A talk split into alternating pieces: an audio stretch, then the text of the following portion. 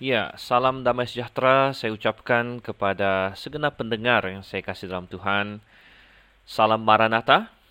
Maranatha artinya Tuhan segera datang kembali. Dan salam ini adalah salam yang sangat khas untuk kita orang Kristen karena kita menantikan kedatangan Yesus Kristus kembali. Saya Dr. Stephen Einstein Liao dan pagi hari ini saya merekam pada pagi hari tapi mungkin Anda mendengarnya, mungkin pagi, mungkin siang, mungkin malam, terserah. Uh, apa pun itu, selamat uh, pagi atau selamat siang, selamat malam. Dan kita akan mempelajari Alkitab dalam acara kita yaitu Mutiara Kebenaran. Ya, dan kalau Anda sudah cukup lama bersama dengan program Mutiara Kebenaran ini, maka Anda tahu bahwa hari ini kita akan mempelajari kitab Yosua pasalnya yang ketiga.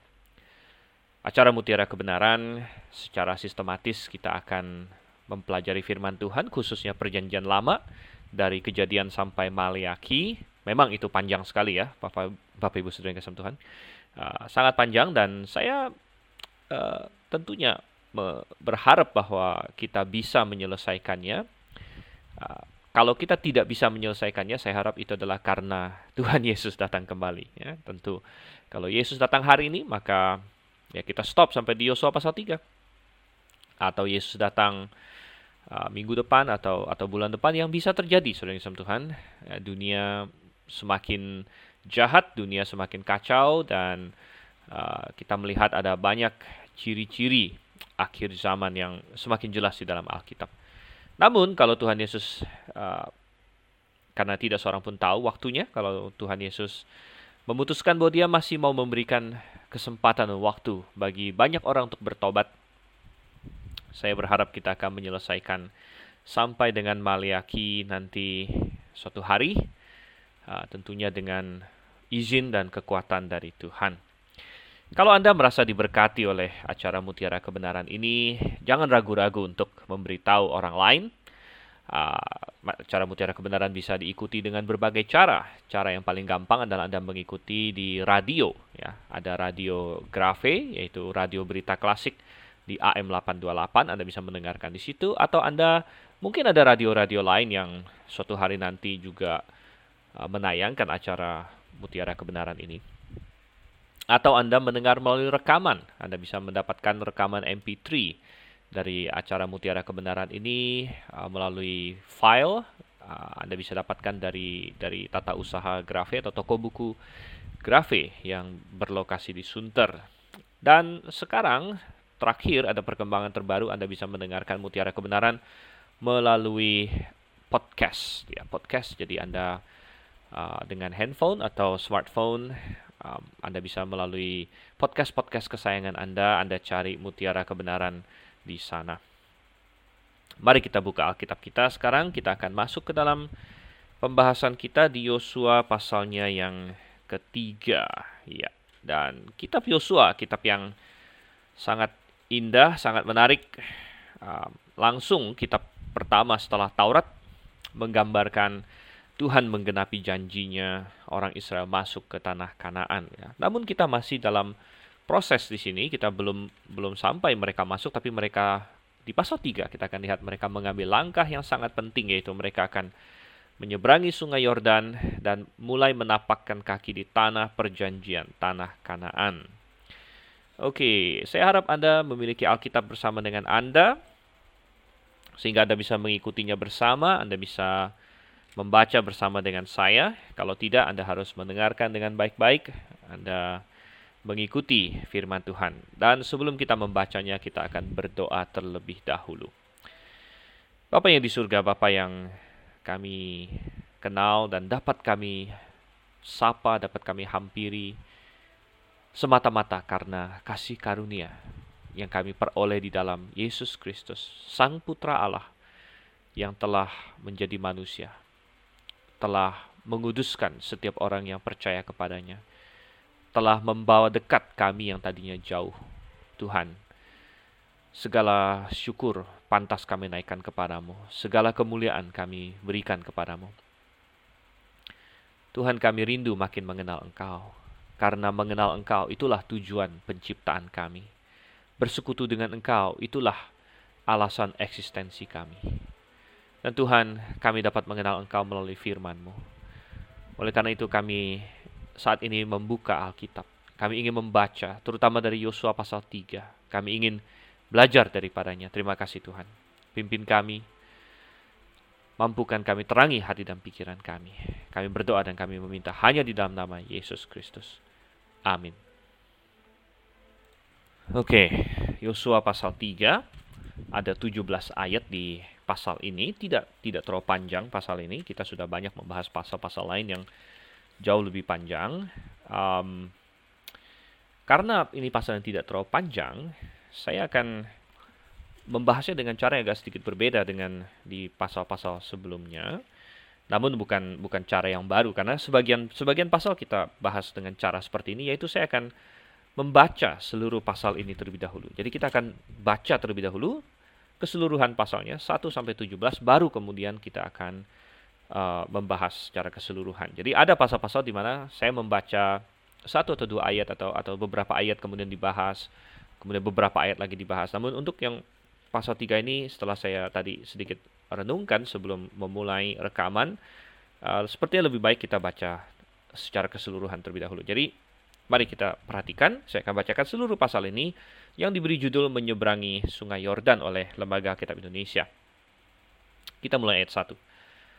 Yosua bangun pagi-pagi, lalu ia dan semua orang Israel berangkat dari Sitim, dan sampailah mereka ke sungai Yordan, maka bermalamlah mereka di sana sebelum menyeberang. Setelah lewat tiga hari, para pengatur pasukan menjalani seluruh perkemahan dan memberi perintah kepada bangsa itu. Katanya, Segera sesudah kamu melihat tabut perjanjian Tuhan Allahmu yang diangkat para imam yang memang suku Lewi, maka kamu harus juga berangkat dari tempatmu dan mengikutinya. Hanya antara kamu dan tabut itu harus ada jarak kira-kira 2000 hasta panjangnya, janganlah mendekatinya Maksudnya supaya kamu mengetahui jalan yang harus kamu tempuh, sebab jalan itu belum pernah kamu lalui dahulu. Berkatalah Yosua kepada bangsa itu, Kuduskanlah dirimu, sebab besok Tuhan akan melakukan perbuatan yang ajaib di antara kamu. Dan kepada para imam itu Yosua berkata demikian, Angkatlah tabut perjanjian dan menyeberanglah di depan bangsa itu. Maka mereka mengangkat tabut perjanjian dan berjalan di depan bangsa itu. Dan Tuhan berfirman kepada Yosua, pada hari inilah aku mulai membesarkan namamu di mata seluruh orang Israel, supaya mereka tahu bahwa seperti dahulu aku menyertai Musa, demikianlah aku akan menyertai engkau. Maka kau perintahkanlah kepada para imam pengangkat tabut perjanjian itu demikian. Setelah kamu sampai ke tepi air sungai Yordan, haruslah kamu tetap berdiri di sungai Yordan itu. Lalu berkatalah Yosua kepada orang Israel, Datanglah dekat dan dengarkanlah firman Tuhan Allahmu. Lagi kata Yosua, dari hal inilah akan kamu ketahui bahwa Allah yang hidup ada di tengah-tengah kamu dan bahwa sungguh-sungguh akan dihalaunya orang Kanaan, orang Het, orang Hewi, orang Feris, orang Girgazi, orang Amori, dan orang Yebus itu dari depan kamu. Sesungguhnya tabut perjanjian Tuhan semesta alam berjalan menyeberang di depan kamu masuk ke sungai Yordan. Maka sekarang pilihlah dua belas orang dari suku-suku Israel, seorang dari tiap-tiap suku. Segera sesudah kaki para imam pengangkat tabut Tuhan, Tuhan semesta bumi, berhenti di dalam sungai, dalam air sungai Yordan, maka air sungai Yordan itu akan terputus. Air yang turun dari hulu akan berhenti mengalir menjadi bendungan. Ketika bangsa itu berangkat dari tempat perkemahan mereka untuk menyeberangi sungai Yordan, para imam pengangkat tabut perjanjian itu berjalan di depan bangsa itu. Segera sesudah Para pengangkat tabut itu sampai ke sungai Yordan dan para imam pengangkat tabut itu mencelupkan kakinya ke dalam air di tepi sungai itu. Sungai Yordan itu sebak sampai meluap sepanjang tepinya selama musim menuai, maka berhentilah air itu mengalir. Air yang turun dari hulu melonjak menjadi bendungan. Jauh sekali di dekat Adam, kota yang terletak di sebelah Sartan. Sedang air yang turun ke Laut Araba itu, yakni Laut Asin terputus sama sekali. Lalu menyeberanglah bangsa itu di tentangan Yeriko. Tetapi para imam pengangkat tabut perjanjian Tuhan itu tetap berdiri di tanah yang kering di tengah-tengah sungai Yordan, sedang seluruh bangsa Israel menyeberang di tanah yang kering sampai seluruh bangsa itu selesai menyeberangi sungai Yordan. Oke. Baik, Dan kita melihat di sini ini adalah suatu peristiwa yang sangat bersejarah, peristiwa menyeberangi Sungai Yordan. Dan saudara yang kasih Tuhan, saya ingin mengajak kita untuk melihat beberapa poin, ya, beberapa hal yang bisa kita pelajari di sini secara garis besar. Yang pertama, kita akan melihat signifikansi atau apa arti, apa makna dari orang Israel menyeberangi Sungai Yordan. Itu yang akan pertama kita lihat. Setelah itu kita akan melihat caranya. Ya, jadi ada banyak yang bisa kita pelajari dari cara atau proses yang dialami oleh orang Israel ketika mereka menyeberangi Sungai Yordan ini. Pertama kita melihat dulu signifikansi. Apa signifikansinya? Apa maknanya mereka menyeberangi sungai Yordan? Ya, bisa saja mereka ada menyeberangi banyak sungai-sungai yang lain, itu ada dicatat di tempat-tempat lain di kitab Ulangan, di kitab Bilangan. Ada sungai Arnon, ada sungai Yabok lain sebagainya. Tentu dalam perjalanan uh, di padang gurun, mungkin padang gurun tidak banyak tidak banyak uh, sungai ya, tapi ketika mereka masuk ke daerah Moab, mereka berperang melawan Sihon dan Og dan lain sebagainya, tentu ada banyak sungai yang mereka mereka lalui namun itu tidak di, disinggung atau tidak dibahas. Namun menyeberangi sungai Yordan ini dibahas dan ini karena ada suatu signifikansi yang sangat luar biasa. Apa signifikansi itu saudara teman pertama saya akan melihat signifikansi secara uh, historis. Kemudian kita akan melihat signifikansi secara tipologis atau secara makna rohaninya begitu. Signifikansi secara historis adalah ketika mereka menyeberang Sungai Yordan, maka mereka secara resmi akan masuk ke tanah Kanaan yang namanya Kanaan.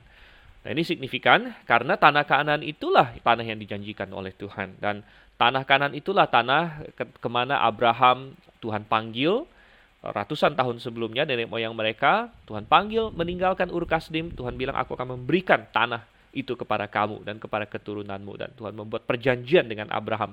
Dan isi perjanjian itu ada banyak ya. Tuhan akan kasih Abraham keturunan akan kasih dia tanah dan kemudian akan memberkati dia. Ada tiga aspek utama di situ dalam perjanjian Abraham. Tuhan akan kasih keturunan Tuhan akan kasih tanah kemudian Tuhan akan memberkati dia yaitu eh, keselamatan yang akan datang melalui keturunannya.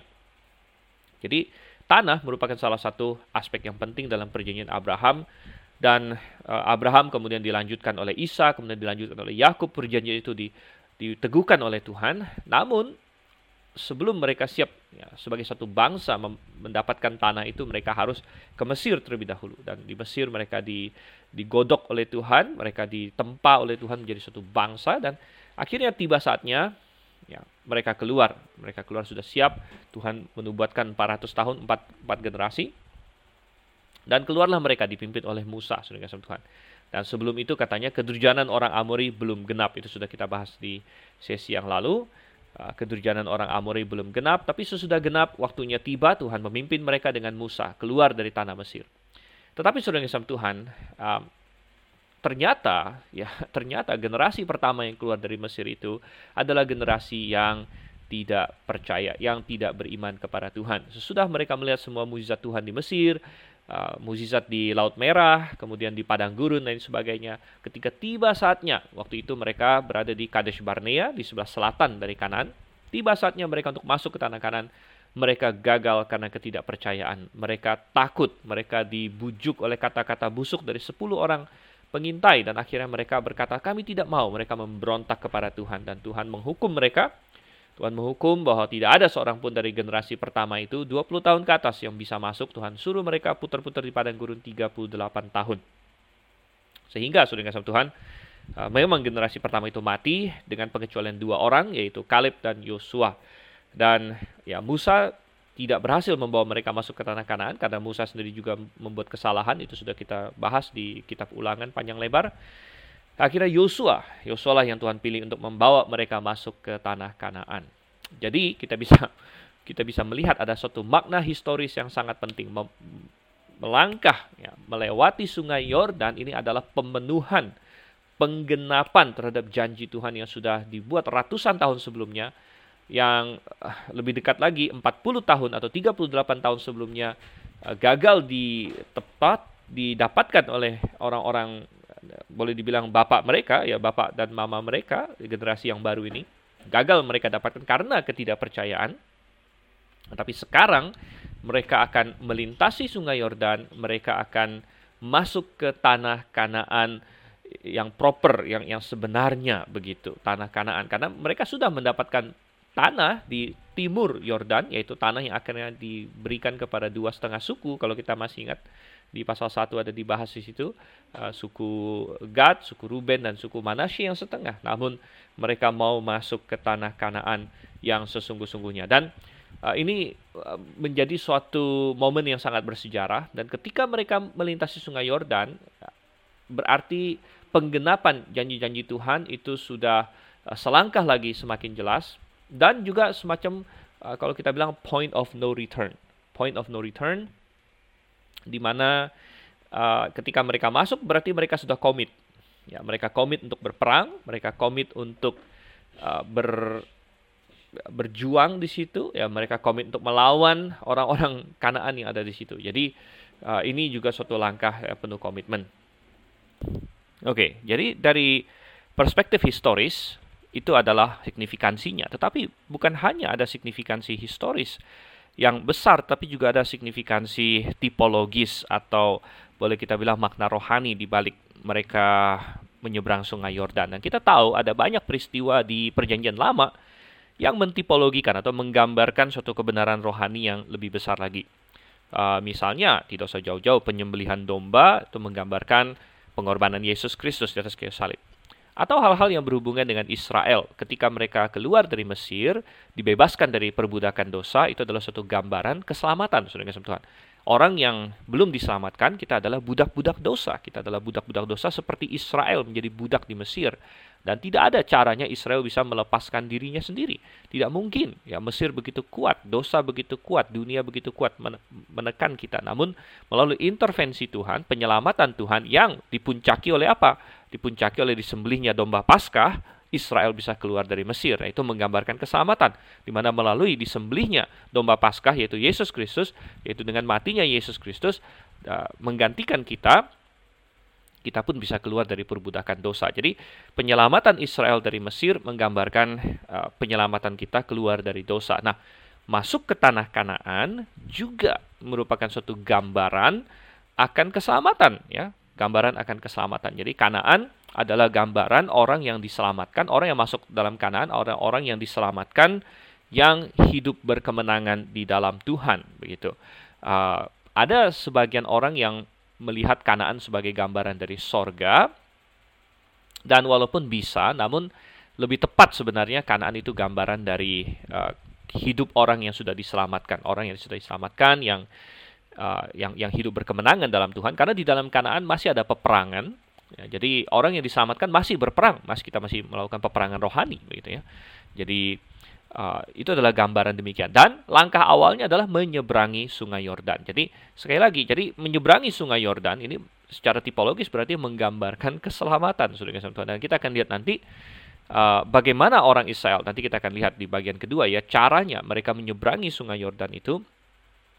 Uh, tentu sekali lagi adalah melalui kuat kuasa Tuhan. Ya, kuat kuasa Tuhan Ah, tanpa Tuhan yang digambarkan atau kehadiran Tuhan yang dilambangkan oleh tabut perjanjian di sini mereka tidak akan mungkin bisa masuk atau menyeberangi sungai Yordan itu. Sungai Yordan itu bagaikan uh, suatu barrier ya, suatu penghalang gitu.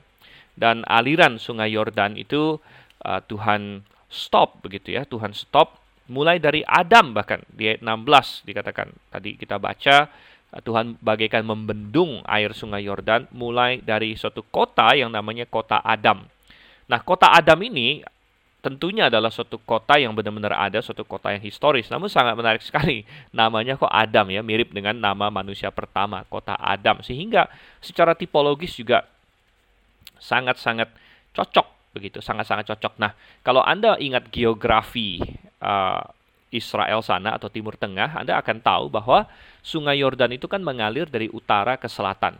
Dari utara ke selatan dan dia masuk bermuara di mana? Ya, ada disebut juga di ayat yang ke-16 dia bermuara di laut asin yang kita sebut sebagai laut mati sekarang the Dead Sea. Dan the Dead Sea, laut asin atau laut mati ini, kenapa disebut laut mati? Karena dia adalah laut yang sangat asin, makanya namanya laut asin juga. Dan kalau laut itu terlalu asin, tidak bisa ada kehidupan di sana ya mati gitu ya. Ah, garam yang terlalu pekat itu membunuh, ya, bahkan bakteri pun tidak bisa hidup. Oleh karena itu orang zaman dulu belum ada antibiotik atau lain sebagainya, kalau ada luka sering kali kita pakai garam walaupun sakit rasanya perih, namun itu membantu karena sifat garam yang mengawetkan, dia membunuh kuman, membunuh materi. Jadi uh, bakteri. Jadi laut mati di situ. Dan sudah kasih Tuhan, menarik sekali. Jadi dari kota Adam di sebelah utara, dari bagian hulu sana, kota Adam, air itu mengalir. Jadi ini menggambarkan dosa. Jadi dosa sudah dimulai dari Adam, sudah kasih Tuhan. Jadi menarik ya, nama kota Adam kok sama dengan nama manusia pertama begitu. Dari kota namanya Adam, kita sudah manusia sudah berdosa mulai dari Adam dan dosa itu terus mengalir membawa kepada mati, laut mati, membawa kepada kematian seperti yang Tuhan katakan upah dosa ialah maut begitu dan aliran sungai Yordan ini melambangkan dosa yang merintangi kita untuk bisa sampai kepada keselamatan kita gitu. Orang Israel tadinya ada di sebelah timur Sungai Yordan, terhalang dari Kanaan ya oleh air Sungai Yordan. Demikian juga kita berada pada sisi uh, sisi ini kita berada di luar kasih karunia lah gitu ya. Kalau Kanaan dianggap sebagai kasih karunia, dianggap sebagai janji-janji Tuhan, dianggap sebagai keselamatan, kita tadinya berada di luarnya, terhalang oleh dosa kita yang sudah dimulai dari Adam dulu, yang akan membawa kepada maut, laut mati sana. Namun uh, ketika kita diselamatkan, maka kita berarti kita melalui pertolongan Tuhan, intervensi Tuhan secara supranatural dalam hidup kita, kita menyeberangi sungai Yordan dan masuk ke dalam tanah perjanjian masuk ke dalam keselamatan itu. Ya, itu adalah makna tipologis yang uh, sangat-sangat uh, indah sebenarnya ya, sangat indah sekali. Oke, nah itu bisa kita pelajari. Kemudian tadi kita saya sudah katakan kita akan mempelajari hal berikut lagi yaitu caranya. Signifikansi dari menyeberang Sungai Yordan, signifikansi historis, signifikansi tipologis. Sekarang kita melihat cara bagaimana bagaimana mereka orang Israel menyeberang Sungai Yordan dan pelajaran apa yang bisa kita tarik dari situ. Ingat bahwa uh, kita kembali ke makna historis tentunya ya, makna historis karena ini memang walaupun ada makna rohani ya, namun kita lebih banyak berfokus di memang ini terjadi secara historis gitu.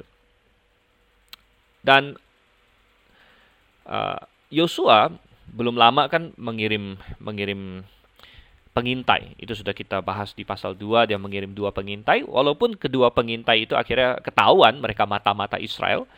Uh, tentunya orang Yeriko di situ sudah tahu, wah Israel mengirim mata-mata.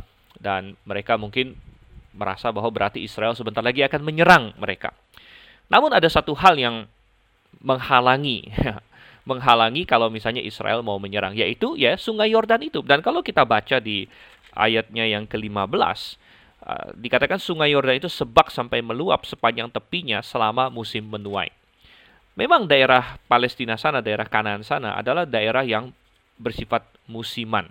Ada banyak sungai-sungai yang kalau sedang musim kemarau atau kemarau yang panjang sekali, sungai itu akan kering. Kita masih ingat di zaman Elia, di mana tiga setengah tahun tidak terjadi uh, hujan sama sekali. Wow. Uh, awalnya Tuhan memelihara Elia di sungai Kerit namanya. Tapi katanya, lama kelamaan, lama kelamaan, karena saking lamanya tidak turun hujan, sungai Kerit jadi kering bahkan. Sungai aja bisa kering. Jadi memang banyak sekali sungai uh, di, di daerah Kanaan sana. Kalau musim kemarau dia akan kering atau minimal menjadi sangat kecil. Nah, sungai Yordan adalah sungai yang sangat besar. Jadi kalau kering sama sekali saya rasa tidak. Namun akan berbeda di, ma di masa musim kering. Uh, sungai ini akan kecil, tidak terlalu berbahaya dan bisa diseberangi dengan mudah. Namun di masa musim musim hujan atau musim menuai disebut di sini ya, dia akan membanjir. Sungai ini akan membanjir, meluap-luap, akan menjadi sungai yang besar sekali gitu. Dan kalau misalnya hanya satu dua orang seperti pengintai ya untuk melewati itu nggak masalah karena itu hanya satu dua orang tinggal dipilih yang jago berenang atau yang uh, mereka tinggal bikin perahu kecil atau lain sebagainya. Namun kalau ingin memindahkan seluruh orang Israel yang jumlahnya jutaan orang yang terdiri dari uh, perempuan, anak-anak dan lain sebagainya, ini ini suatu hal yang mustahil begitu, mustahil secara logistik.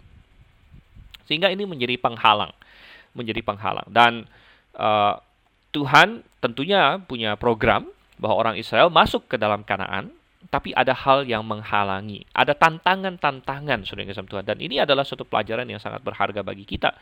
Uh, sering kali kita kita tahu ada berkat-berkat Tuhan atau kita tahu ada pekerjaan Tuhan yang yang perlu kita lakukan atau ada program Tuhan yang yang perlu kita lakukan. Namun kita juga bisa menghadapi halangan-halangan, rintangan-rintangan ya, challenges uh, dalam hidup kita.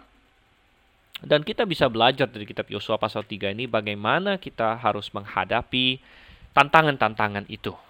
Ya, bagaimana sekalipun tantangannya tantangan yang sangat besar gitu seperti sungai Yordan ini yang meluap membanjir-banjir. Mungkin tantangan kita sepertinya meluap-luap dalam hidup ini.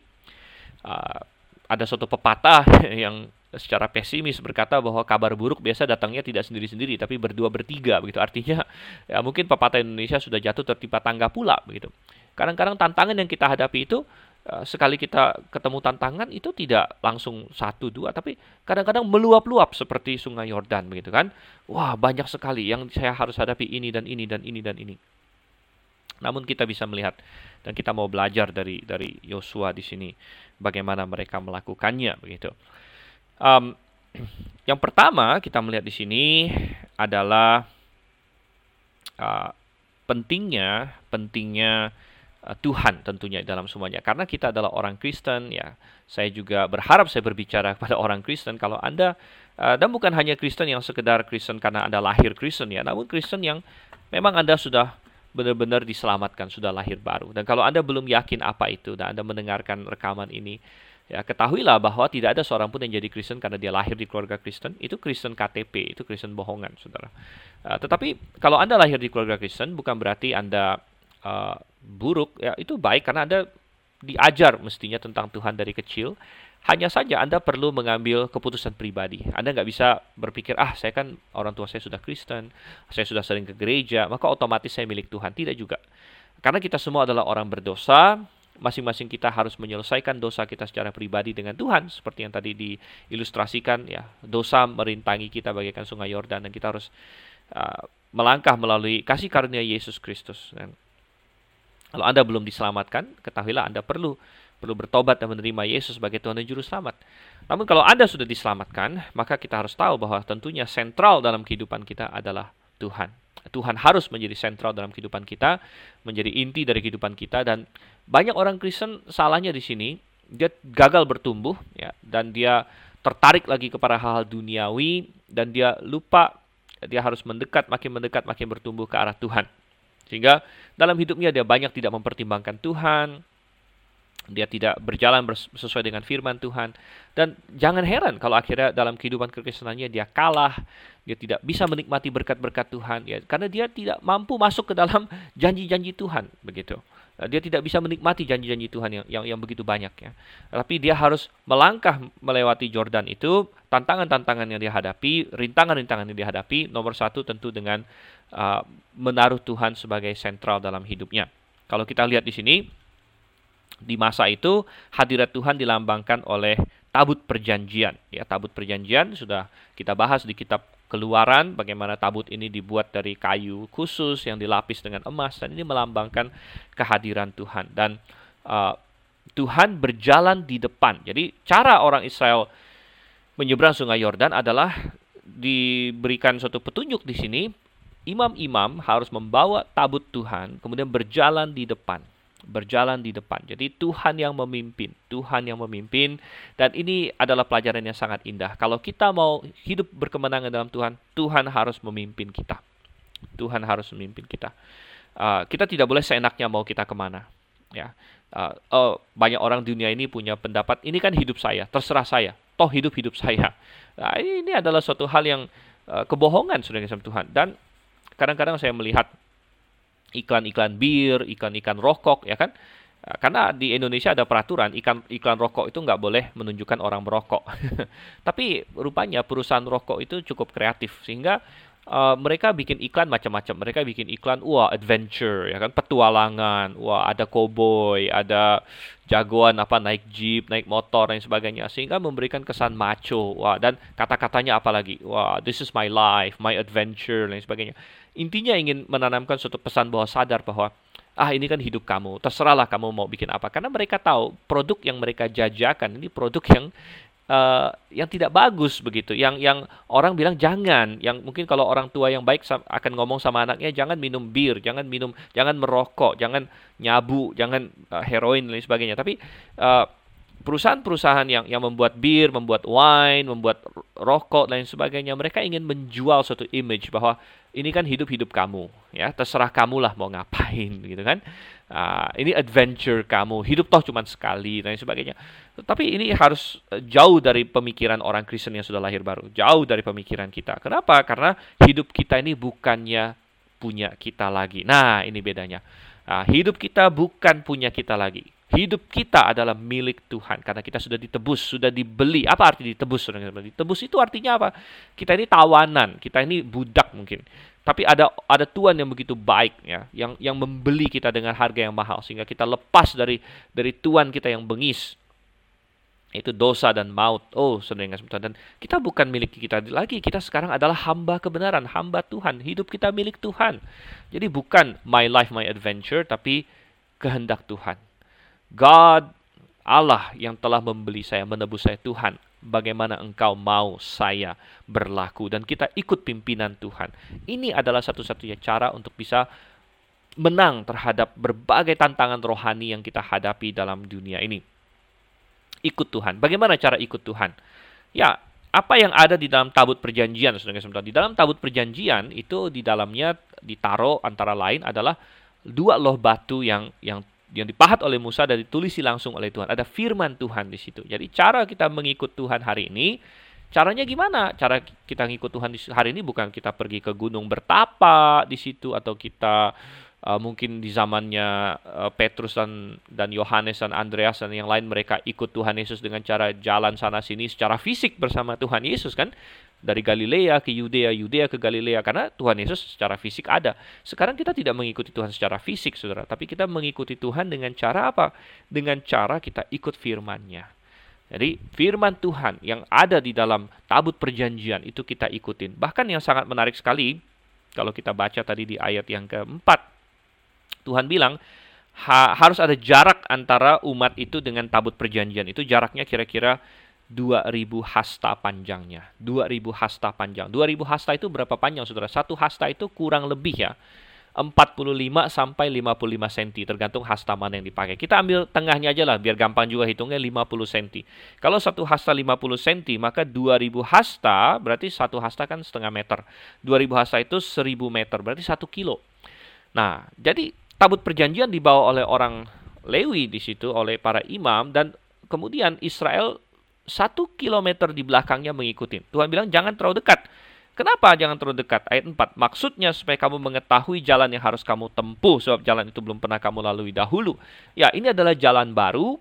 Jadi tabut duluan agak agak ke depan tapi tidak terlalu ke depan sampai nggak kelihatan lagi begitu. Satu kilometer kan masih terlihat ya, masih terlihat oleh mata. Jadi mereka tidak boleh ketinggalan juga, nggak boleh kejauhan, nggak boleh 5 kilo, 10 kilo itu udah nggak kelihatan lagi. Satu kilo di depan, supaya tabut perjanjian itu yang membuka jalan, begitu, membuka jalan. Tuhan bilang, sebab jalan itu belum pernah kamu lalui. Jadi dengan mengikuti uh, cukup dekat namun tidak terlalu dekat, maka orang Israel bisa tahu jalannya. Dan ini adalah gambaran yang sangat indah tentang firman Tuhan. Siapa di antara kita yang tahu tentang jalan hidup kita? Nggak ada satu orang pun yang tahu, saudara. Uh, kita bisa punya rencana, kita bisa punya cita-cita, tapi apakah kita tahu jalan hidup kita? Kan enggak. Hari besok siapa yang bisa tahu? Oh, tidak ada. Seperti kata lagu yang sangat indah. Uh, ku tak tahu kan hari esok, namun ku tahu dia yang memegang hari esok. Benar sudah kasih Tuhan. Uh, saya merekam ini tahun 2020. Kebetulan sudah bulan Juli. saya merekam uh, Yosua ini bulan Juli.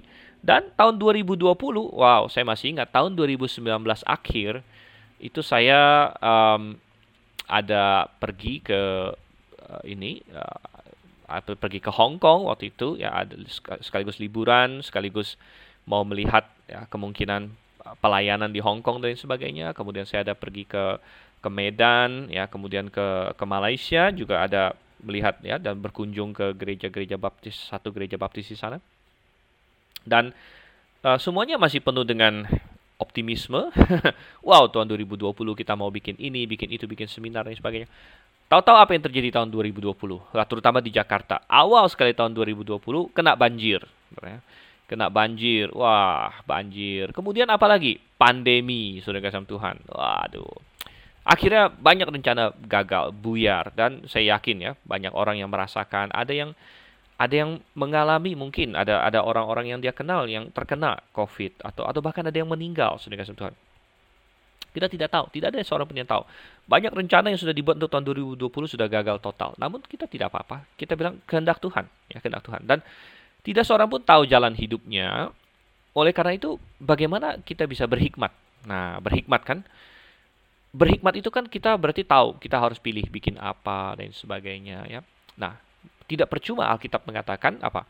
Permulaan hikmat ialah takut akan Tuhan. Permulaan hikmat ialah takut akan Tuhan. Ketika kita takut akan Tuhan, ketika kita hidup kita kita rancangkan sesuai dengan firman Tuhan, maka dengan otomatis kita sebenarnya mengikuti Tuhan.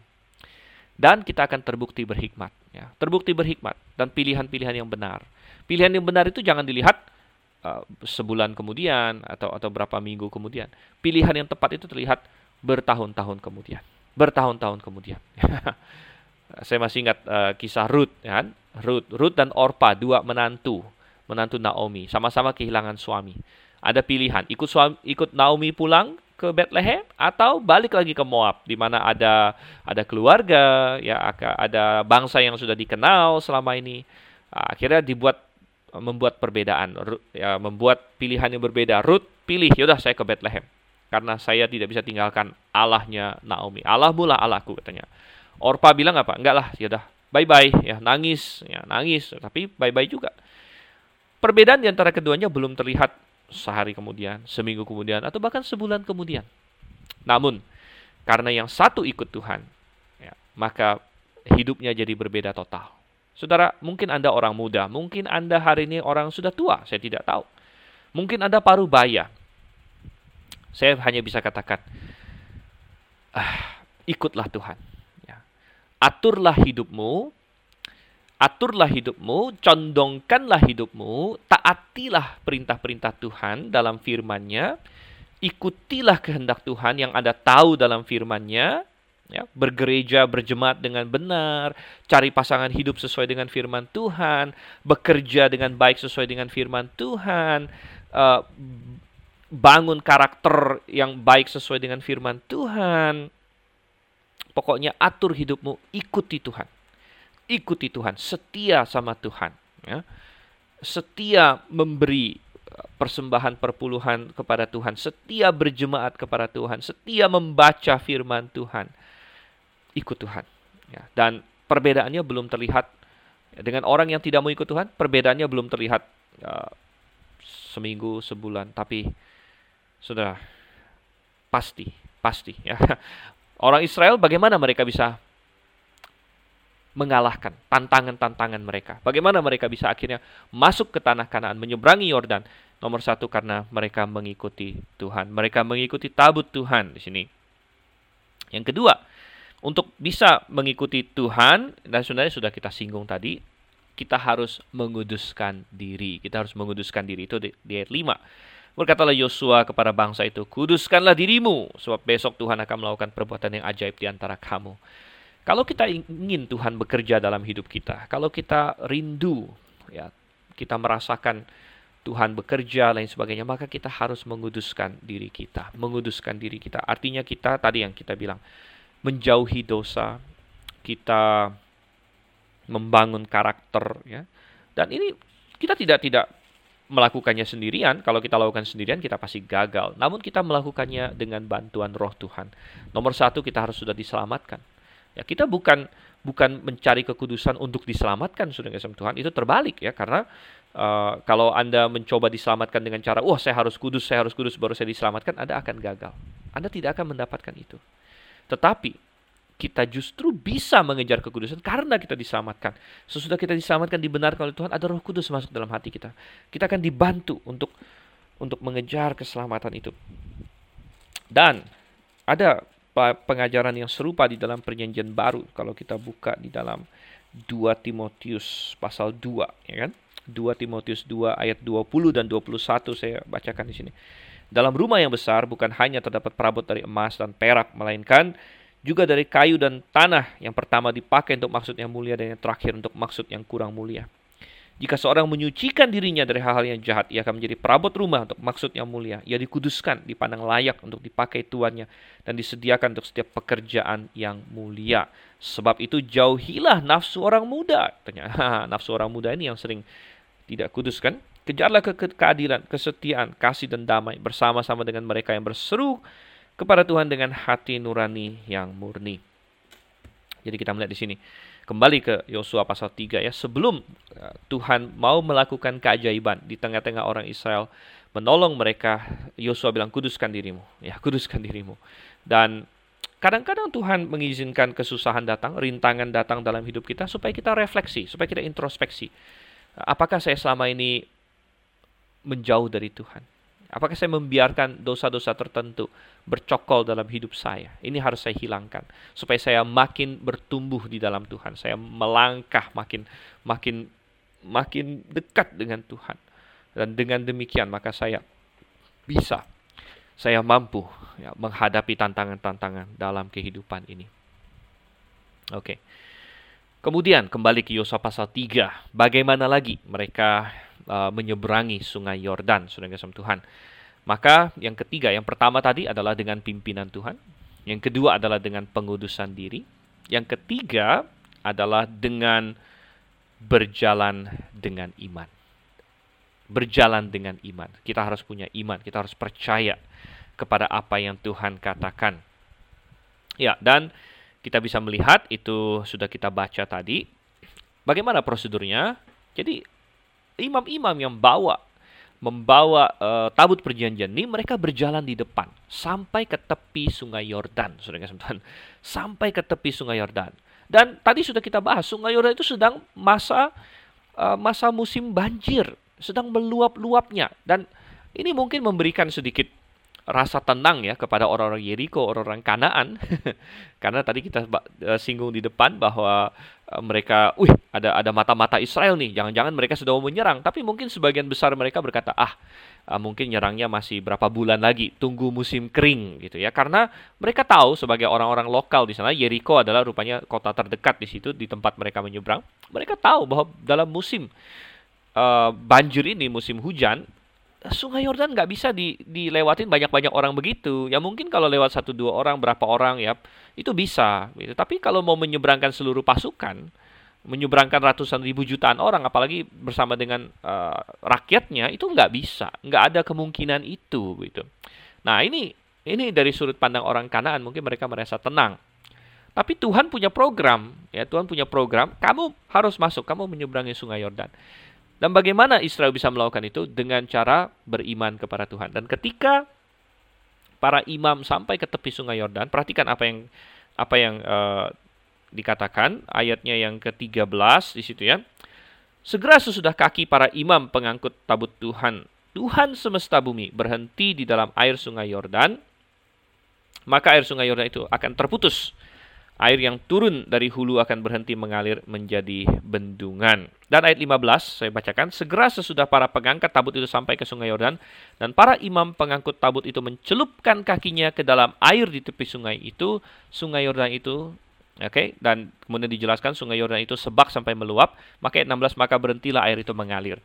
Dengan kata lain, Saudara kasih Tuhan, Tuhan tidak membuat air itu berhenti dulu, sudah kering, sudah kelihatan dasarnya, baru ayo kita rame-rame nyebrang. Tidak. Tuhan suruh kamu letakkan kaki dulu. Masukkan kaki kamu ke dalam air yang sedang meluap-luap itu. Dan ketika kamu masuk ke situ, maka air itu akan mulai berhenti. Wow, ini perlu iman. Anda bisa bayangkan orang yang sedang menjadi imam di situ. Ya, ada berapa imam yang diperlukan? Empat kira-kira mungkin ya. Saya entah empat, entah delapan atau enam saya nggak tahu. Empat empat imam mungkin mereka memanggul tabut itu di di bahu mereka dengan dengan kayu pengusungnya. Dan Yosua bilang sama mereka maju maju. Loh, mereka bilang maju ke mana? Itu maju masuk ke dalam sungai sungainya masih banjir. Uh, bagaimana saya masuk ini? Bukankah Tuhan mau mau hentikan sungainya? Tuhan hentikan dong. Enggak, Yosua bilang maju aja. Begitu kamu masuk ke airnya nanti airnya berhenti. Nah, itu perlu iman. Dan kita jangan main-main ya. Sungai-sungai ini deras apalagi musim banjir ya. Ini alirannya deras. Ya, kalau mereka masuk, masuk, masuk, mereka bisa terhanyut. Jadi Yosua bilang silakan masuk aja. Tuhan tidak sengaja tidak bikin kering dulu, udah kering, wah enak nih udah kering nih kita kita jalan tidak. Dan ini menggambarkan apa yang sering terjadi di dalam kehidupan kita. Ketika kita menghadapi tantangan, dan kita ketika kita dituntut percaya kepada Tuhan atau kita mau berbuat sesuatu bagi Tuhan, Tuhan tidak buat semuanya sudah beres dulu gitu. Tidak, sering kali kita harus melangkah dengan iman. Seringkali kita harus percaya bahwa Tuhan akan melakukan apa yang Dia akan katakan. Ya. Dan dan dan kita percaya akan hal itu. Ya. Dan kita melangkah dengan iman. Dan ketika kita melangkah, mungkin airnya masih ada, saudara. Tantangannya masih ada gitu. Tuhan tidak bikin tantangannya hilang semua dulu, baru oke okay, silahkan melangkah. Ya enggak begitu. Itu udah enggak perlu iman lagi sebenarnya. Tapi tantangan masih ada, air masih meluap-luap. Imam menapakkan kaki, namun Tuhan menyertai. Dan begitu mereka menapakkan kaki, air itu makin surut. Jadi rupanya caranya adalah Tuhan membendung air itu. Tuhan membendung air itu di sebelah hulu dan kalau air dibendung kan maka dia akan pelan-pelan ya, pelan-pelan menyusut-menyusut. Jadi itu selangkah dengan tapakan kaki para imam. Semakin mereka melangkah, mereka menginjakkan kaki ke dalam air, airnya surut sedikit. Mereka maju lagi ya menapak lagi ke dalam air yang semakin surut itu airnya makin surut mereka tapak lagi makin surut tapak lagi makin surut sampai mereka berdiri di tengah-tengah dan semuanya sudah kering dan ini adalah gambaran yang luar biasa tentang kehidupan kita ketahuilah ya bahwa firman Tuhan janji-janji Tuhan bisa kita percayai nggak perlu kita menunggu menunggu wah, semuanya sudah beres semua nggak ada tantangan lagi ada orang yang misalnya uh, tertantang, terpanggil untuk melayani Tuhan. Wow, mau melayani Tuhan, mau menjadi gembala sidang atau penginjil, mau menjadi pengkhotbah, meninggalkan pekerjaan. Ya, mungkin ada yang berpikir, waduh, gawat nih, nanti kalau saya tinggalkan pekerjaan, saya nggak ada uang pemasukan lagi, eh, pemasukannya kecil.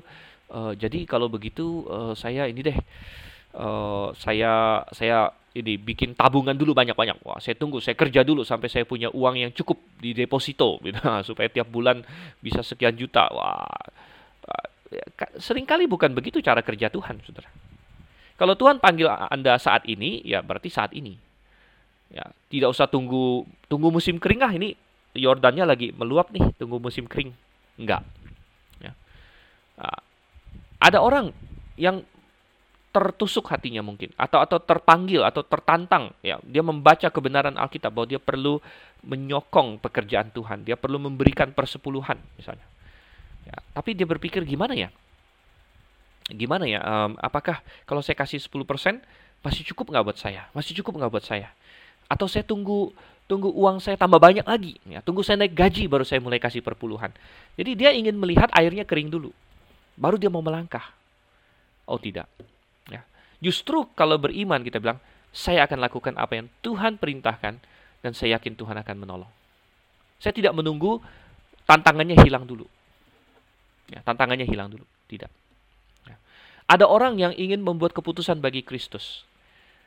Uh, mungkin melayani Tuhan atau mungkin masalah keselamatan bahkan. Ya. Uh, ada orang yang di, di keluarga di beragama lain. Mungkin dia bilang, aduh saya saya mau memberi diri dibaptis, saya mau menjadi orang Kristen. Uh, tapi orang tua saya gimana ya? Coba saya tanya orang tua saya dulu, apakah mereka setuju atau tidak? Oh, bukan begitu caranya. Ya. Bagaimana? Apa kehendak Tuhan bagimu? Jangan tunggu tantangannya hilang. Ya, tapi lakukan firman Tuhan, maka tantangan itu Tuhan akan bantu kamu. Ya, ada orang yang mau melayani Tuhan, tapi dia khawatir. Ya, belakangan ini saya ada bicara dengan satu orang, dia bilang dia khawatir. Uh, mamanya mungkin gak setuju ada saudaranya akan nggak setuju ya. ya dan bagaimana dia, dia dia bergumul bagaimana kalau mereka tidak setuju saya saya sekolah teologi ya saya katakan yang penting bukan orang lain. Kalau kamu tunggu mereka semua setuju dulu ya itu kalau mereka nggak setuju gimana bagaimana dengan kehendak Tuhan dalam hidupmu itu yang lebih penting apa yang Tuhan panggil engkau lakukan gitu Jangan kita tunggu semua tantangan sudah tidak ada. Seringkali Tuhan justru mau kita melangkah dengan iman, walaupun ada tantangan di depan mata, tapi kalau kita yakin ini adalah kehendak Tuhan, kita melangkah. Kita melangkah, saudara. Melangkah dengan iman. Ya, jadi itu suatu pelajaran yang sangat indah. Tuhan uh, menggunakan mujizat. Ya, Tuhan bisa menolong kita dengan mujizat dan mujizat Tuhan itu beda-beda, saudara. Uh, mungkin orang Israel menyeberang Sungai Yordan ini sering dibanding-bandingkan dengan Musa membelah Laut Merah. Dan memang ada hubungannya karena di ayat yang ketujuh Tuhan bilang, Tuhan berfirman kepada Yosua, pada hari inilah aku mulai membesarkan namamu di seluruh orang Israel, supaya mereka tahu bahwa seperti dahulu aku menyertai Musa, demikianlah aku akan menyertai engkau. Jadi sangat penting bagi orang Israel untuk menyadari bahwa Tuhan beserta dengan Yosua seperti menyertai Musa. Karena mereka sudah 40 tahun bersama Musa, mereka yakin dengan Musa, sekarang ada pemimpin baru gitu. Tapi Tuhan ingin tunjukkan bahwa aku menyertai Yosua juga. Dan sebenarnya ini sangat penting bagi kita semua. Ketika kita membaca Alkitab, orang Kristen harus baca Alkitab ya. Kalau Anda tidak baca Alkitab, Anda tidak tahu sejarah Alkitab, tidak tahu cerita-cerita Alkitab, kacau sekali. Anda harus mulai membaca Alkitab. Namun kalau kita membaca Alkitab, kita membaca bagaimana Tuhan menyertai Yosua, Musa, Daud, nabi-nabi, Samson, hakim-hakim. Kita baca mujizat-mujizat, kita baca bagaimana Tuhan menolong orang mereka. Oke, itu teori. Kita perlu merasakannya dalam hidup kita. Makanya kita perlu tadi melangkah dengan iman itu tadi. Kadang-kadang Tuhan izinkan kesusahan dalam hidup kita sebagai suatu kesempatan bagi kita untuk bergantung sama Tuhan. Supaya kita merasakan pertolongan Tuhan, saudara. Jangan, makanya saya dulu tidak begitu mengerti kenapa di satu Petrus atau di Yakobus dikatakan saudara-saudara bersukacitalah kalau kamu jatuh ke dalam berbagai-bagai pencobaan. Karena-karena saya ada banyak orang tidak bingung, kok jatuh ke dalam pencobaan bersukacita, saudara. Tapi salah satu jawabannya adalah ketika kita dalam pencobaan kesusahan, justru pada saat itu ada kesempatan kita bergantung sama Tuhan, kita merasakan Tuhan menyertai kita, Tuhan menolong kita dengan luar biasa dan itu menjadi suatu pengalaman kita bisa berkata, Tuhan yang menyertai Daud ternyata menyertai saya juga. Tuhan yang menyertai uh, Samson, Tuhan yang menyertai Samuel, Tuhan yang menyertai nabi-nabi, dia bersama dengan saya juga. Ketika saya membaca mereka berteriak dan Tuhan menjawab, saya juga telah berteriak dan Tuhan menjawab. Artinya, saudara, setiap generasi orang Kristen, setiap generasi anak-anak Tuhan harus merasakan Tuhan secara pribadi. Memang kita membaca tentang bagaimana Tuhan bekerja di masa lalu dan sebagainya. Kita harus merasakannya untuk diri kita sendiri. Dan Tuhan bilang sama Yosua, hari ini aku akan membuat namamu besar. Ya bukan untuk kesombongan dan sebagainya, tapi supaya orang Israel generasi baru yang akan masuk ke tanah Kanaan, yang akan bertempur di sana, mereka harus punya keyakinan. Mereka harus tahu Tuhan beserta mereka, bukan hanya dengar dari orang tua mereka bahwa oh dulu loh di Mesir begini begini oh dulu Musa begini begini. Tidak, mereka sendiri merasakannya. Kita pun perlu merasakan bersama dengan Tuhan. Dan tadi kita bilang bahwa Musa membelah Laut Merah. Dan itu sepertinya sangat ajaib, tidak ada penjelasan, yaitu suatu mukjizat, mukjizat benar gitu. Artinya uh, Musa memakai tongkatnya, dia pukul laut itu, kemudian Tuhan pakai angin yang luar biasa sehingga laut itu terbelah. Oke, Tuhan bisa bekerja dengan cara demikian. Lalu bagaimana dengan membela, uh, menyeberangi sungai Yordan sini airnya tidak terbelah, tapi Tuhan memakai cara, katanya Tuhan membendung, membendung di hulu ya, di di daerah yang tadi kita bilang kota yang namanya Adam itu sehingga ada sebagian orang bilang ah ini bukan mukjizat ya. Ini bukan mukjizat karena apa? Bisa saja terjadi sesuatu yang natural di hulu misalnya ada longsor ya kan? Bisa ada longsor longsornya menutup ya, jadi uh, airnya terbendung untuk sementara waktu atau ada gempa bumi atau lain sebagainya. Pokoknya terjadi sesuatu lah di hulu yang bersifat natural mungkin nah, sehingga uh, di situ ini terbendung begitu, terbendung. Ya. Saya katakan bahwa itu tetap mujizat. Itu tetap mujizat. Kenapa? Karena timingnya luar biasa. Timingnya luar biasa. Longsor bisa terjadi kapan saja, tapi kenapa terjadinya pas dan pergerakan airnya yang yang terbendung itu pas sehingga ketika imam menapakkan kaki pas airnya turun begitu. Oh itu kan luar biasa sekali ya. Jadi maksud saya adalah Tuhan mujizat Tuhan itu macam-macam. Dan Tuhan bisa memakai berbagai cara, saudara yang Tuhan, berbagai cara untuk uh, untuk menghibur kita, untuk menolong kita. Ya, um, saya masih ingat ya dulu waktu saya uh, uh, waktu saya punya suatu pergumulan ya waktu saya masih muda ya. Sebenarnya ada banyak yang saya bisa ceritakan namun saya saya teringat akan hal ini. Uh, waktu saya uh, sedang studi sendirian di Amerika dan suatu ketika saya merasa sangat kesepian karena uh, terus terang waktu itu di asrama kami hanya tiga orang bayangkan suatu STT asrama tiga orang dan dua teman saya itu hampir nggak pernah ada di rumah ya mereka kerja juga. Jadi saya sendirian di rumah padahal saya waktu itu baru pertama kali keluar dari rumah. Um, saya merasa sangat kesepian dan saya saya berdoa sama Tuhan Tuhan ya um, saya perlu penghiburan gitu saya perlu penghiburan dan uh, dan saya berdoa sama Tuhan ya. Dan ternyata tidak berapa lama kemudian saudara Tuhan tiba-tiba ada surat datang pada saya dari dari Indonesia ya dari keluarga saya. Dan ada tahu bahwa surat itu memerlukan waktu ya memerlukan waktu beberapa hari atau beberapa minggu bahkan untuk sampai dari Indonesia ke Amerika tapi rupanya, dan ini kalau kita oh ini kan bukan mujizat kita, Pak. Ini bukan mujizat karena surat itu kan biasa. Ini kan pakai tukang pos, pakai ini, pakai itu. Ini bukan mujizat. Tapi bagi saya itu mujizat. Kenapa? Karena apa?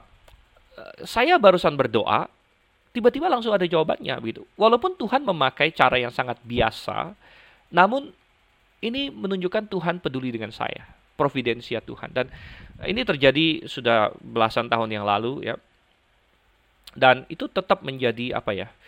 Sejak saat itu sudah banyak kali lagi, banyak kali dan banyak peristiwa di mana saya saya benar-benar mengandalkan Tuhan ya. Dan setiap pengalaman itu pengalaman berjalan bersama dengan Tuhan pengalaman kita berdoa dan Tuhan menjawab ya. Pengalaman di mana kita dalam kesulitan eh Tuhan kasih jalan keluar kita berdoa. Uh, dan Tuhan bisa pakai banyak cara saudara. Ada orang berkata bahwa uh, GBIA atau Grafe tidak percaya mukjizat itu nonsens itu bohong kita sangat percaya mukjizat uh, Tuhan intervensi terus ya dan yang kita tidak percaya adalah bahwa ada penipu-penipu yang hari ini bilang dia punya kuasa melakukan mujizat. Nah, itu kita tidak percaya gitu. Mengapa? Karena kuasa melakukan mujizat yang dikasih ke perorangan itu adalah milik rasul. Milik rasul dan itu kalau rasul tidak ada sudah tidak ada. Anda baca 2 Korintus 12 ayat 12 di situ dikatakan tanda seorang rasul adalah kuasa melakukan mujizat. Tapi kalau Tuhan melakukan mujizat itu itu saya sendiri alami dalam hidup saya begitu mana Tuhan menolong. Kadang-kadang mujizatnya memakai hal yang biasa yang orang lain mungkin anggap bukan mujizat. Ya seperti pos atau pernah juga berapa waktu lalu saya sakit. Lalu tiba-tiba ada teman saya yang bantu kasih obat begitu kan, teman dokter saya. Kok bisa tiba-tiba ketemu dia lagi dan lain sebagainya. Uh, macam-macam sebenarnya Jadi ada intinya adalah bahwa uh, Tuhan bisa pakai banyak cara ya, untuk menolong kita dan mari kita berjalan dengan iman. Berjalan dengan iman ya, dan melangkah, ada sungai Yordan depan kita nggak masalah. Kita semakin kita melangkah, tantangan akan selesai. Dan akhirnya kita berdiri di tengah-tengah sungai Yordan kering, memuliakan dan memuji Tuhan. Maukah Anda melakukannya? Mari kita berdoa. Terima kasih Bapak di surga untuk kasih setia kepada kami. Tolonglah supaya kami bisa berjalan dengan iman, kami bisa mengikuti pimpinanmu dan kami bisa mengejar kekudusan supaya kami bisa melihat pekerjaanmu dalam hidup kami dengan semakin nyata bukan hanya kami mendengarnya, membacanya, namun kami merasakannya dalam hidup kami. Pimpin kami Tuhan. Dalam nama Yesus Kristus kami berdoa dan ucap syukur. Amin. Demikianlah pembahasan kita pada hari ini. Jangan lupakan. Masih bersama dengan saya untuk sesi berikutnya. Dr. Stephen Einstein Sampai berjumpa. Maranatha.